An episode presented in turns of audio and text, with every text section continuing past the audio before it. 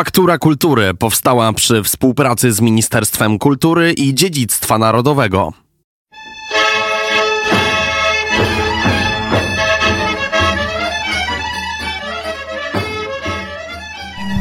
Nas tak mama po środku się zawsze kładła i tak do siebie.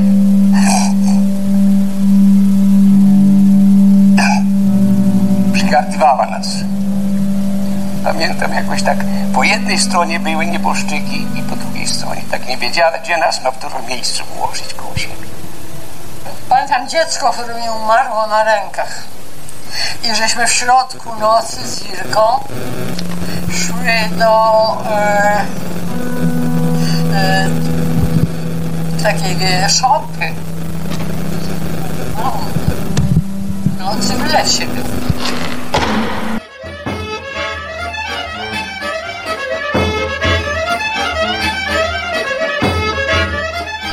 Hasło żywię i bronię. Z naciskiem właśnie na ten pierwszy wyraz. Kim jesteś? No, Polakiem. A co to znaczy? No, że pamiętasz, to, e, już nie wymagamy walki, poświęcenia zdrowia, życia, ale pamiętajmy.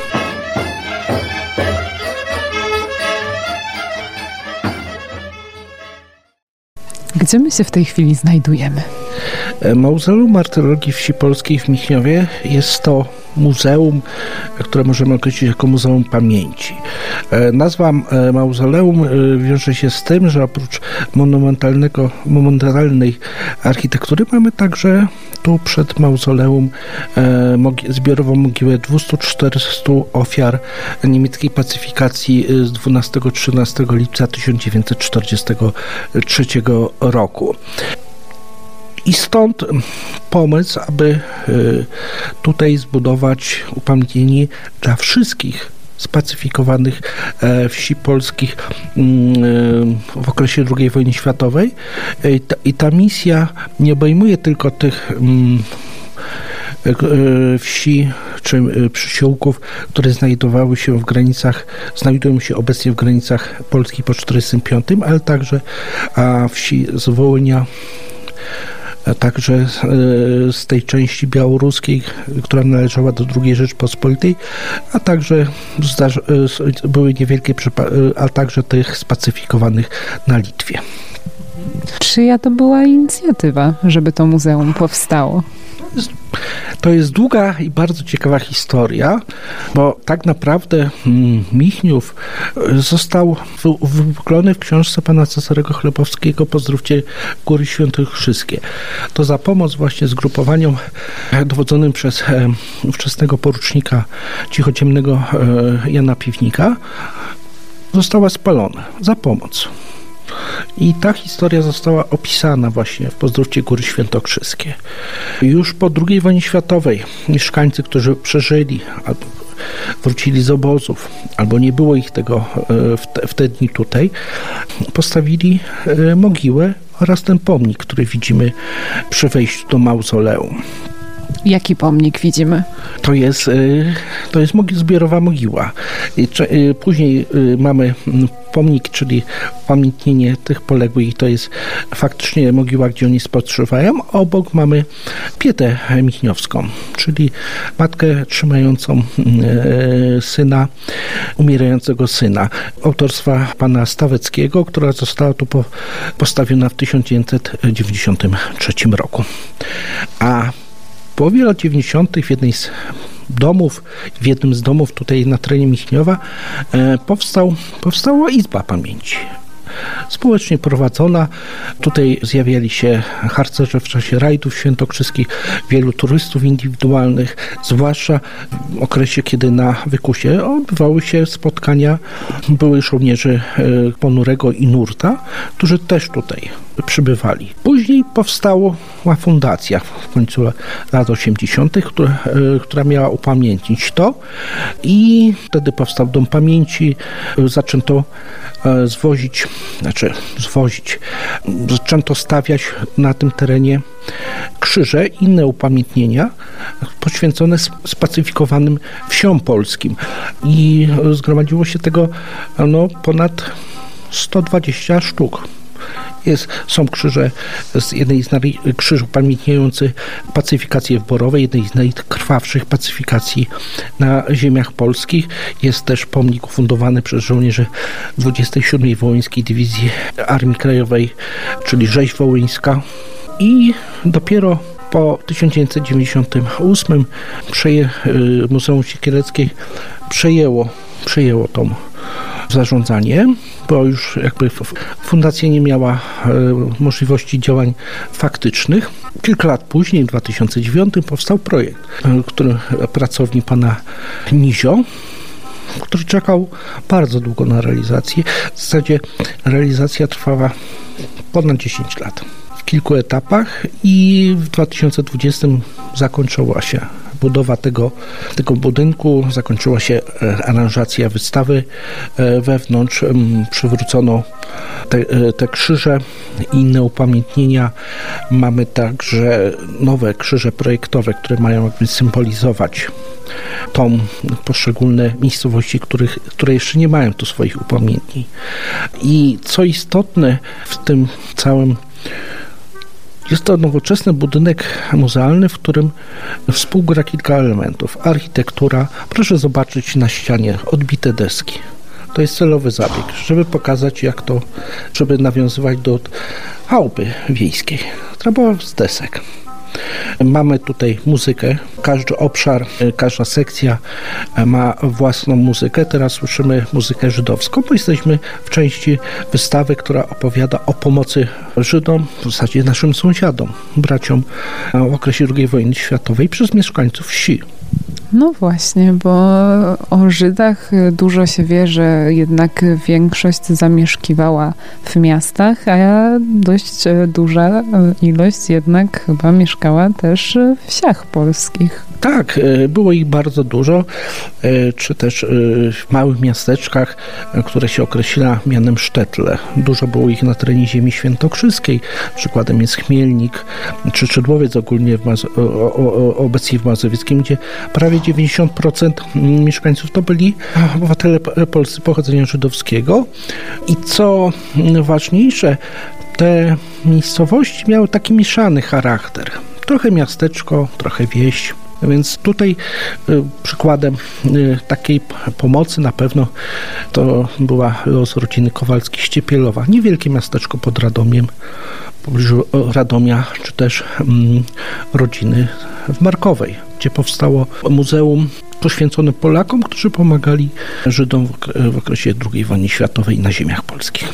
A są jakieś dane dotyczące tej pomocy?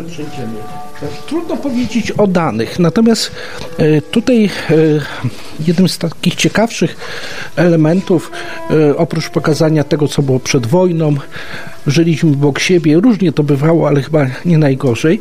Natomiast tu jest takie odzorowanie wyroku podziemnego sądu, w którym widać skazywano na śmierć w okresie okupacji tych Polaków, którzy niestety nie zachowali się godnie. Na przykład ten pan, Bogusław Jan Pilnik, za szan- szantażowanie i wydawanie w ręce władz niemieckich ukrywających się obywateli polskich narodowości ży- żydowskich, czy też e, nawet funkcjonariusz policji kryminalnej pracował w obozie karnym dla Polaków przy Gęsi w Warszawie. Tam też e, byli więzieni Żydzi. Więc takie, takie zachowania nie były tolerowane przez władze polskiego państwa podziemnego. Świadczy o tym organizacja Żegota, która niosła pomoc Żydom. Jednym z takich ważniejszych elementów są relacje. Relacje czy audio, czy wideo Polaków, którzy y, otrzymali medal wśród sprawiedliwych świata. Proszę zobaczyć, tutaj mamy tak, każdy może być spokojnie. Jest to muzeum bardziej refleksyjne. Możemy sobie wysłuchać. Możemy to odsłuchać po angielsku lub po hebrajsku także. To jest istotne, że tym przekazem chcemy, chcemy dotrzeć do różnych, do różnych, różnego widza, który No dobrze, ale rozumiem, że te relacje tutaj o pomocy Żydom to są ludzie mieszkający na wsi polskiej. Tak, tak. Wieś miała większe możliwości pomocy i ukrycia Żydom, bo tam było mniej policji niemieckiej, było mniej żandarmerii. W mieście było to bardziej kontrolowane. Oni musieli się ukrywać z powodu no, tego nasycenia niemieckimi służbami represyjnymi. I takich medali ja nie mówię akurat, że wszyscy to są mieszkańcy wsi. Polacy dostali ponad 17, około 17 tysięcy. Tu mamy państwa stolarczyków z Bodzentyna. To nie opodal. To nie opodal, to też miasteczko, ale taki charakter Sztetla, może dla Józefa Biegaja, dla państwa e, Zygadelewiczów. Więc pokazujemy te osoby, które pomagały. Ksiądz Witold Stolarczyk, który też, e, to jest właśnie jego, jego medal na parafii na wsi, ukrywał rodzinę żydowską koło w Dąbrownicy koło Jędrzyjowa. Czyli ten e, korytarz, który ma taki trochę ponury wymiar, też ma te własne, e, o tutaj mój ulubiony Józef Jarosz. Zwykły człowiek, uśmiechnięty, jakby wysłuchać, to są Instytut Solidarności Męstwa i Spileckiego udostępnił nam te relacje, na, żeby zilustrować tą wystawę. Jak się wysłucha, to w zasadzie hmm, on nic wielkiego nie zrobił. On pomagał. A że groziła za to śmierć, to jakby osobne. A za, co groziło Polakom odpowiedzialność karna, to może przejdziemy tutaj na, sam początek. Jest taka jakby tablica przykładowe, także z naszych terenów osoby, o proszę bardzo, Leon Kaczorek, utrzymywanie kontaktów umieszczony w obozie koncentracyjnym.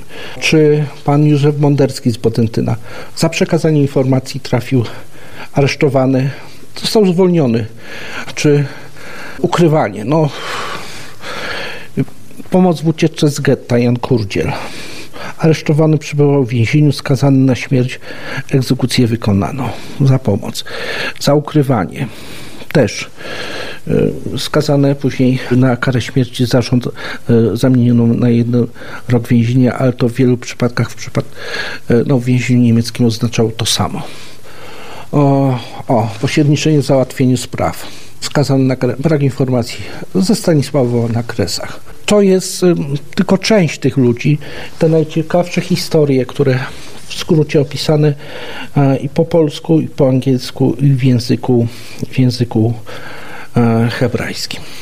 Natomiast y, zwiedzanie zaczynamy tak naprawdę od tej zewnętrznej części, a później udajemy się do tego, jakby to nazwać, domu ciszy. Jest to obiekt, w którym tło muzyczne, w tle, na tle muzyki są wymieniane nazwy spacyfikowanych wsi, a, I Ile to było tych wsi? Proszę Panią, w granicach obecnej Rzeczpospolitej to jest 817.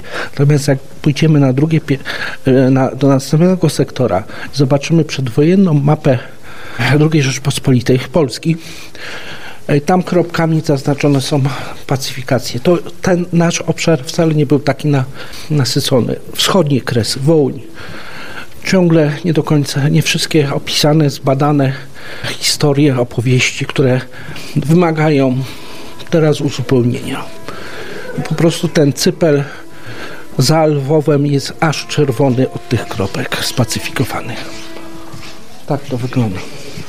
A czy możemy teraz idąc o budynku samym, bo budynek robi naprawdę wrażenie z zewnątrz? Yy, od, jakby od ulicy to jest jakby mm, aranżacja chaty. Nie wygląda zbyt okazale. Teraz wchodząc do środka, oddziałuje na widza zwiedzającego tym swoim rozmachem. Co ciekawe, im, im dalej będziemy szli, tym zobaczymy, że ekspozytory, czyli kubiki są przechylone, wyszczerbione, aż dojdziemy do strefy zewnętrznej, kiedy budynek jest dekompletowany. Zwiedzanie zaczynamy od takiego miejsca, w którym jest film. Z okresu, no to jest e, jakby kolaż filmów z okresu II e, Rzeczpospolitej, Kiedy ta wieś była taka radosna, spokojna, było chłodno i głodno, ale było spokojnie w miarę. I jak obejrzymy sobie, to zobaczymy różne stroje, czyli z różnych regionów jest to te filmiki i z Pomorza, tu z biedniejszych terenów, bo ludzie na boso chodzą. Tutaj pewnie bogatsze tereny, bo ktoś potra- buduje drewnia- domy z drewna. Pokazuje się taką pracę, trochę sielski, ale chyba prawdziwy obraz. Natomiast wspomniałem Pani o tej mapie. To jest mapa II Rzeczpospolitej. Ta pierwsza pokazuje jakby zagęszczenie wsi na tym terenie, na obszarze Rzeczpospolitej, bo większość mieszkańców II Rzeczpospolitej mieszkała na wsi, a tutaj te spacyfikowane. O ile obejmujemy powiedzmy Lublin, Porzeszów, to są nasze tereny. To jest to 817. To jest troszeczkę symboliczne. Proszę zobaczyć sobie wschód, aż gęsto. Po prostu kropeczka obok kropeczki. To jest też misja, żeby pamiętać o tych ofiarach rzezi wołyńskiej, policji litewskiej, te, ale też te pacyfikacje na tym terenie robili Niemcy. Więc to pokazuje, obrazuje jakby obraz, pokazuje obraz, który nie do końca wszyscy rozumieją, czym była ta wojna. Do czego prowadzi wojna, zwłaszcza jeżeli ona wkracza no, pomiędzy sąsiadów. Idąc dalej, wchodzimy w obszar, rozpoczyna się wojna. Po tej stronie mamy niemiecką. Dużo jest takich e, zdjęć ilustrowanych, które mają pokazać, jakby e, tu widzimy lecące samoloty niemieckie. Dalej mamy duże zdjęcia. Nie chodziło o szczegółowe obrazowanie, ale przede wszystkim oddziaływanie. Wspomniałem, ale jakby nie... Tu na zwiedzającego mają zasadniczo trzy elementy.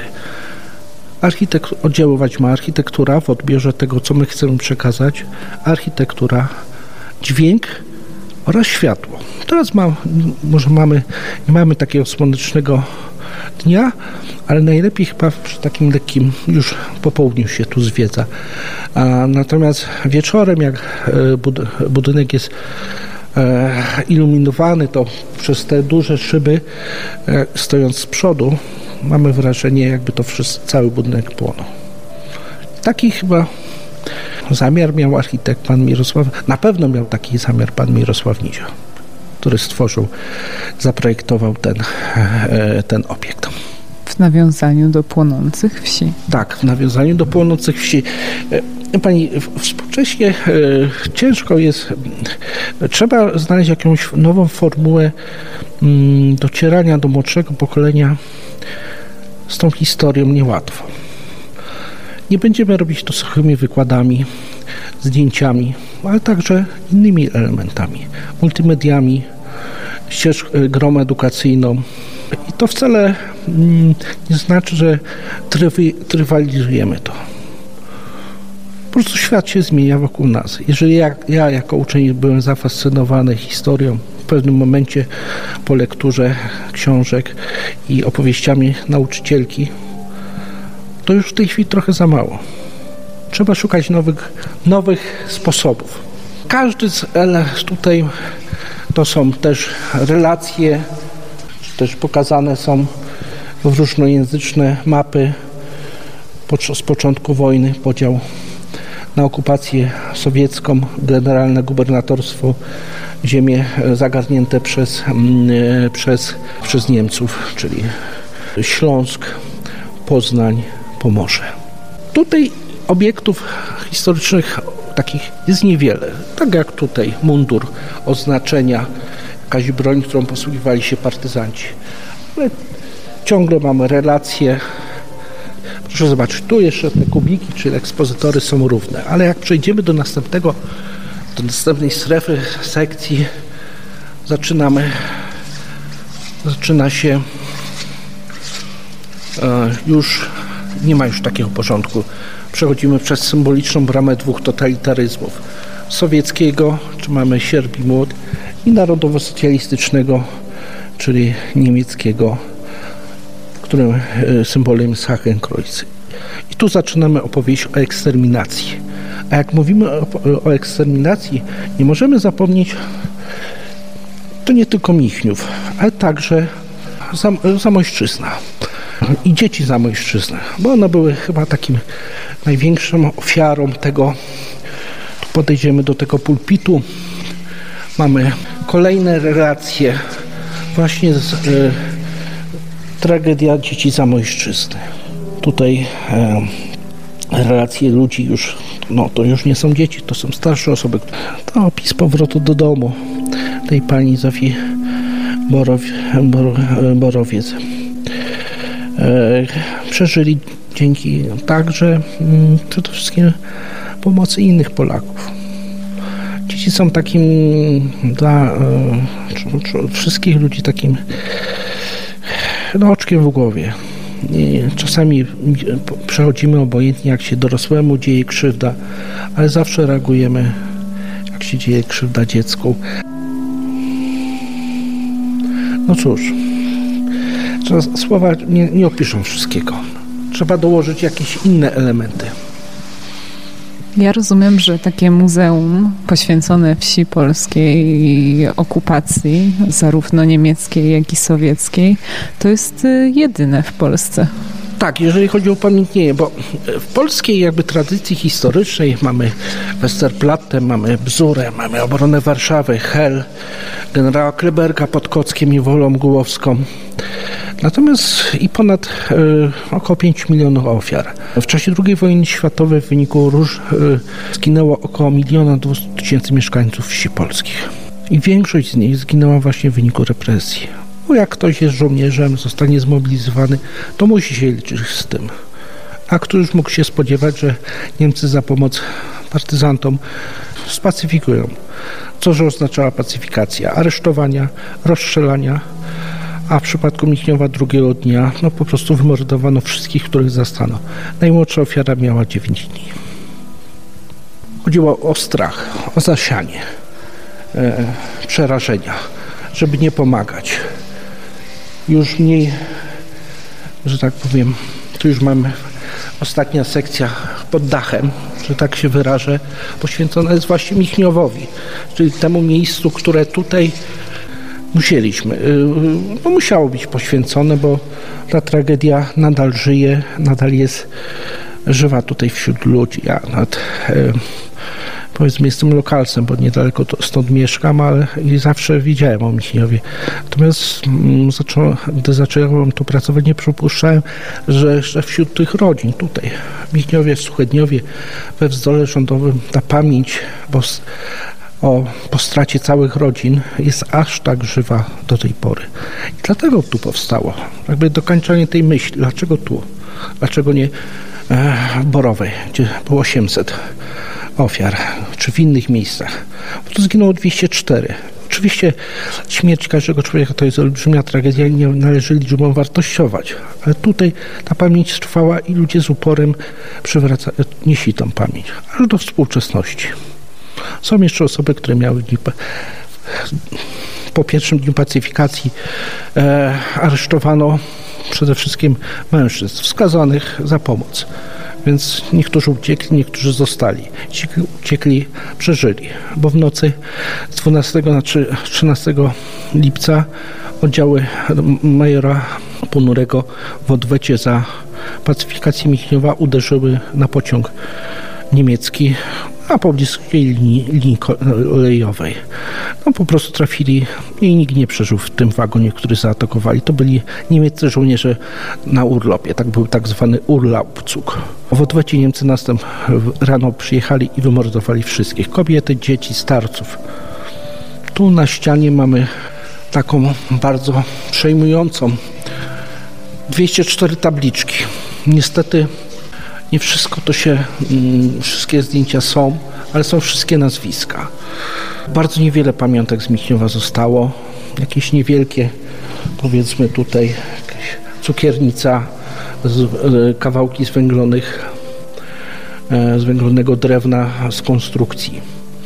Przykładem takiej innej pacyfikacji w Europie jest ora... A jeszcze sekundkę. Jakby pan dyrektor jeszcze mógł powiedzieć, za co była pierwsza pacyfikacja Michniowa?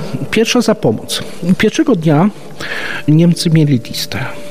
Ktoś zadecydował, że, że w tej rodzinie pomagali, piekli chleb. Trzeba było, czasami jak partyzant się pochorował, no trzeba go było pod dachem, pod krzaczkiem się nie wyleczysz.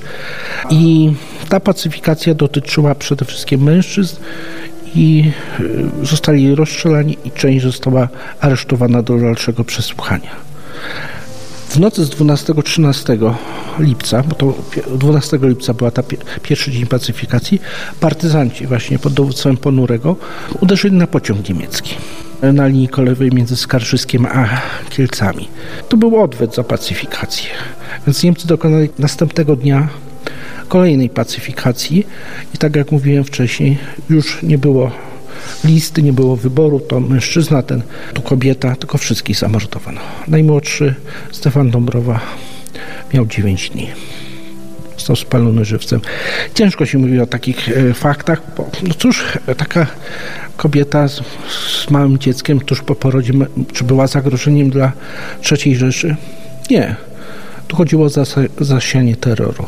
Terror jest podstawą, był podstawą tej, mm, jakby tego, co y, Niemcy chcieli, y, chcieli wprowadzić ten swój ordung, swój porządek na terenach okupowanych. Mamy w Europie podobne przykłady Hatyń na Białorusi, Oradur we Francji. I tam się zachowało całe miasteczko. A dlaczego? Dlatego, że wsie we Francji były po prostu zbudowane z kamienia. Więc zostawiono to jako symbol. Podobnym przykładem są Lidice w Czechach, tylko tam Niemcy za mm, zamach e, na Heydricha no, wybrali tą wieś, bo dwóch żołnierzy pilotów walczyło w Anglii z tej miejscowości. I oni tam, z tej miejscowości nic nie zostało. Zmienili nawet bieg rzeki, żeby to wykreślić z mapy. To było kształtowanie historii przez system totalitarny. A dalej mamy strefę zewnętrzną. I tu mamy wielu zwiedzających pyta się, czy to będzie dobudowane. Nie, to już koniec wojny, zniszczenie. Chyba najbardziej przejmująca jakby aranżacja to te zdjęcia, proszę zobaczyć. Potężne zdjęcia, wycięte postaci. Te osoby nie przeżyły. Tu mamy ojca z dzieckiem, on nie przeżył. Tu mamy trzech braci, czterech, przepraszam, jeden nie przeżył. Tworzy naszą e, e, zupełnie inny obraz. To koniec wojny, zniszczenie, olbrzymie straty. O ile Warszawa w czasie powstania warszawskiego została zniszczona, ludzie mieli problem z, zamieszkaniem, to w przypadku wsi, które były drewniane, tam nic nie zostawało. Jeżeli wracali, to wracali do ziemianek. Wracali do, no, do szczerego pola, gdzie czasami gdzieś kominy sterczały ze spalonych chat. A te krzyże, które się rozpościerają i po lewej, i po prawej stronie? Te krzyże tutaj to zostały postawione w trakcie projektu. Jak zobaczymy zdjęcie z góry, one komponują się z całością. Natomiast tutaj, tutaj na skarpie mamy krzyże, które przywiez, przywiezione zostały przez mieszkańców, przedstawicieli spacyfikowanych miejscowości pomniki, upamiętnienia w różnej formie. One czasami może architektonicznie nie pasują, ale jakby są inne, ale przede wszystkim mają ten walor. Zostały przywiezione tutaj z potrzeby serca przez tych ludzi. Tutaj właśnie do Michniowa, od końca lat 80. do czasu rozpoczęcia remontu, one zostały przywrócone i ustawione. Dlaczego takie muzeum powstało i jaki jest jego cel? O, ojej, a dlaczego powstało? Przede wszystkim e, dzięki uporowej społeczności lokalnej. Gdyby nie upór ludzi tutaj, lokalnych, którzy jakby lobowali za tym, chodzili, później wysiłek mm, organizacyjny władz państwowych, samorządowych, no by nie powstał, ale jakby tą źródłem jest upór tych ludzi. My musimy upamiętnić Michów, a że upamiętniamy przy okazji inne wsie, wszystkich mieszkańców wsi, no to tym lepiej chyba. Czemu ma służyć to muzeum? Proszę Panią, to muzeum jest smutne, tak jak mój kolega mi powiedział z innego muzeum, a to jest Muzeum Pamięci. Pamięci, czyli e, taką, ma, ma być taką kapsułą czasu, gdzie pamięć o tych ludziach ma być przenoszona następnym pokoleniu. Naszym celem jest edukacja, naszym celem jest niesienie tej pamięci no i sposób w miarę przystępny, bo nie wszystko da się uprościć, przekazywać tą pamięć, tą wiedzę. Ponad rok temu był tu ambasador Niemiec z wizytą, to było jesienią ubiegłego roku i była taka rozmowa, że to jest ostrzeżenie dla rodzących się no, upiorów. No niestety po 24 lutego te upiory się obudziły i to, co mamy na Ukrainie, pokazuje, że jednak historia nie zawsze wszystkich uczy. A te sytuacje, czy w Irpień, czy w Buczy, wpisują się w to, co się wydarzyło na ziemiach polskich w czasie II wojny światowej. Dlatego warto pamiętać, pokazywać, jakie są konsekwencje totalitaryzmów o każdym odcieniu. Czy to jest nazistowski, narodowo-socjalistyczny, nazistowski, czy to komunistyczny, bolszewicki. Skutek jest ten sam. Po prostu ofiary. Po 1945 roku Polska ma przeżywa chyba najdłuższy okres, kiedy na tych ziemiach nie toczyły się wojny. Pomijając komunizm, jego charakter, to jednak udało się żyć w spokoju, budować domy, kształcić się. To, co wydaje się takie mało atrakcyjne, ale jest niesłychanie ważne. Niesłychanie ważne. I stąd idea tego mauzoleum, muzeum, żeby pamiętać, żeby ostrzegać. To, to chyba trochę takie przywrócenie pamięci o polskiej wsi i tak. jej znaczeniu w czasie II wojny światowej. Tak. Podstawowe pytanie czasami, tu przyjeżdżają młodzi ludzie, kim jesteś? No Polakiem. A co to znaczy? No, że pamiętasz, no, e, już nie wymagamy walki, poświęcenia zdrowia, życia, ale pamiętajmy, przede wszystkim ciężko to wypowiedzieć bo dotrzeć do każdego z tym przekazem trzeba najpierw takiego człowieka spotkać, czy grupę ludzi i spróbować z nimi nawiązać dialog i znaleźć odpowiedni język, odpowiednią argumentację do rozmowy o tej naszej niełatwej przyszłości. A o wsi polskiej trzeba pamiętać, bo nawet taka pierwsza powojenny film, zakazane piosenki, mieliśmy przede wszystkim ten przemyt żywności, który Niemcy tak tępili, no bo wymykało im się e, żywność, którą oni chcieli zagarnąć, a dzięki temu miasto miało co jeść. Taka była prawda, no w mieście jakiś ogródeczek, coś, a wieś mogła wykarmić. Zresztą po upadku powstania warszawskiego w te tereny tutaj przybyło bardzo wielu wypędzonych warszawiaków. Ci, którzy e, znaleźli schronienie w miastach, to jest osobny problem, ale większość na wsiach. Tam było łatwiej wyżywić. Było jakieś mleko od krowy, troszeczkę ziarna, żeby zrobić jakieś zarzucajkę, trochę chleba upiec. W mieście tego nie było. I stąd taka rola wsi, nie tylko to, że walczyli, ginęli, ale także że żywili. Stąd to hasło, żywią i bronią. Jest z naciskiem właśnie na ten pierwszy wyraz. Bardzo dziękuję. Dziękuję.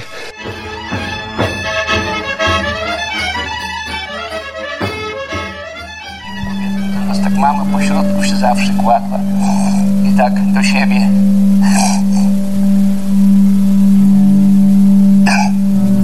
Przygardywała nas. Pamiętam jakoś tak, po jednej stronie były nieboszczyki i po drugiej stronie. Tak nie wiedziała, gdzie nas ma w którym miejscu ułożyć koło siebie. Pamiętam dziecko, które mi umarło na rękach. I żeśmy w środku nocy z Irką szły do e, takiej szopy. No, nocy w lesie był.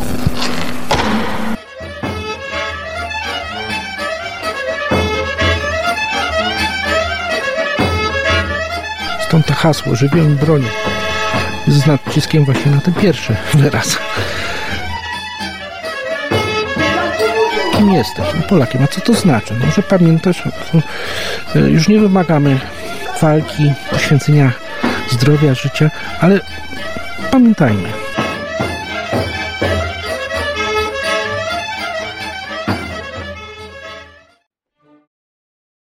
Faktura Kultury powstała przy współpracy z Ministerstwem Kultury i Dziedzictwa Narodowego.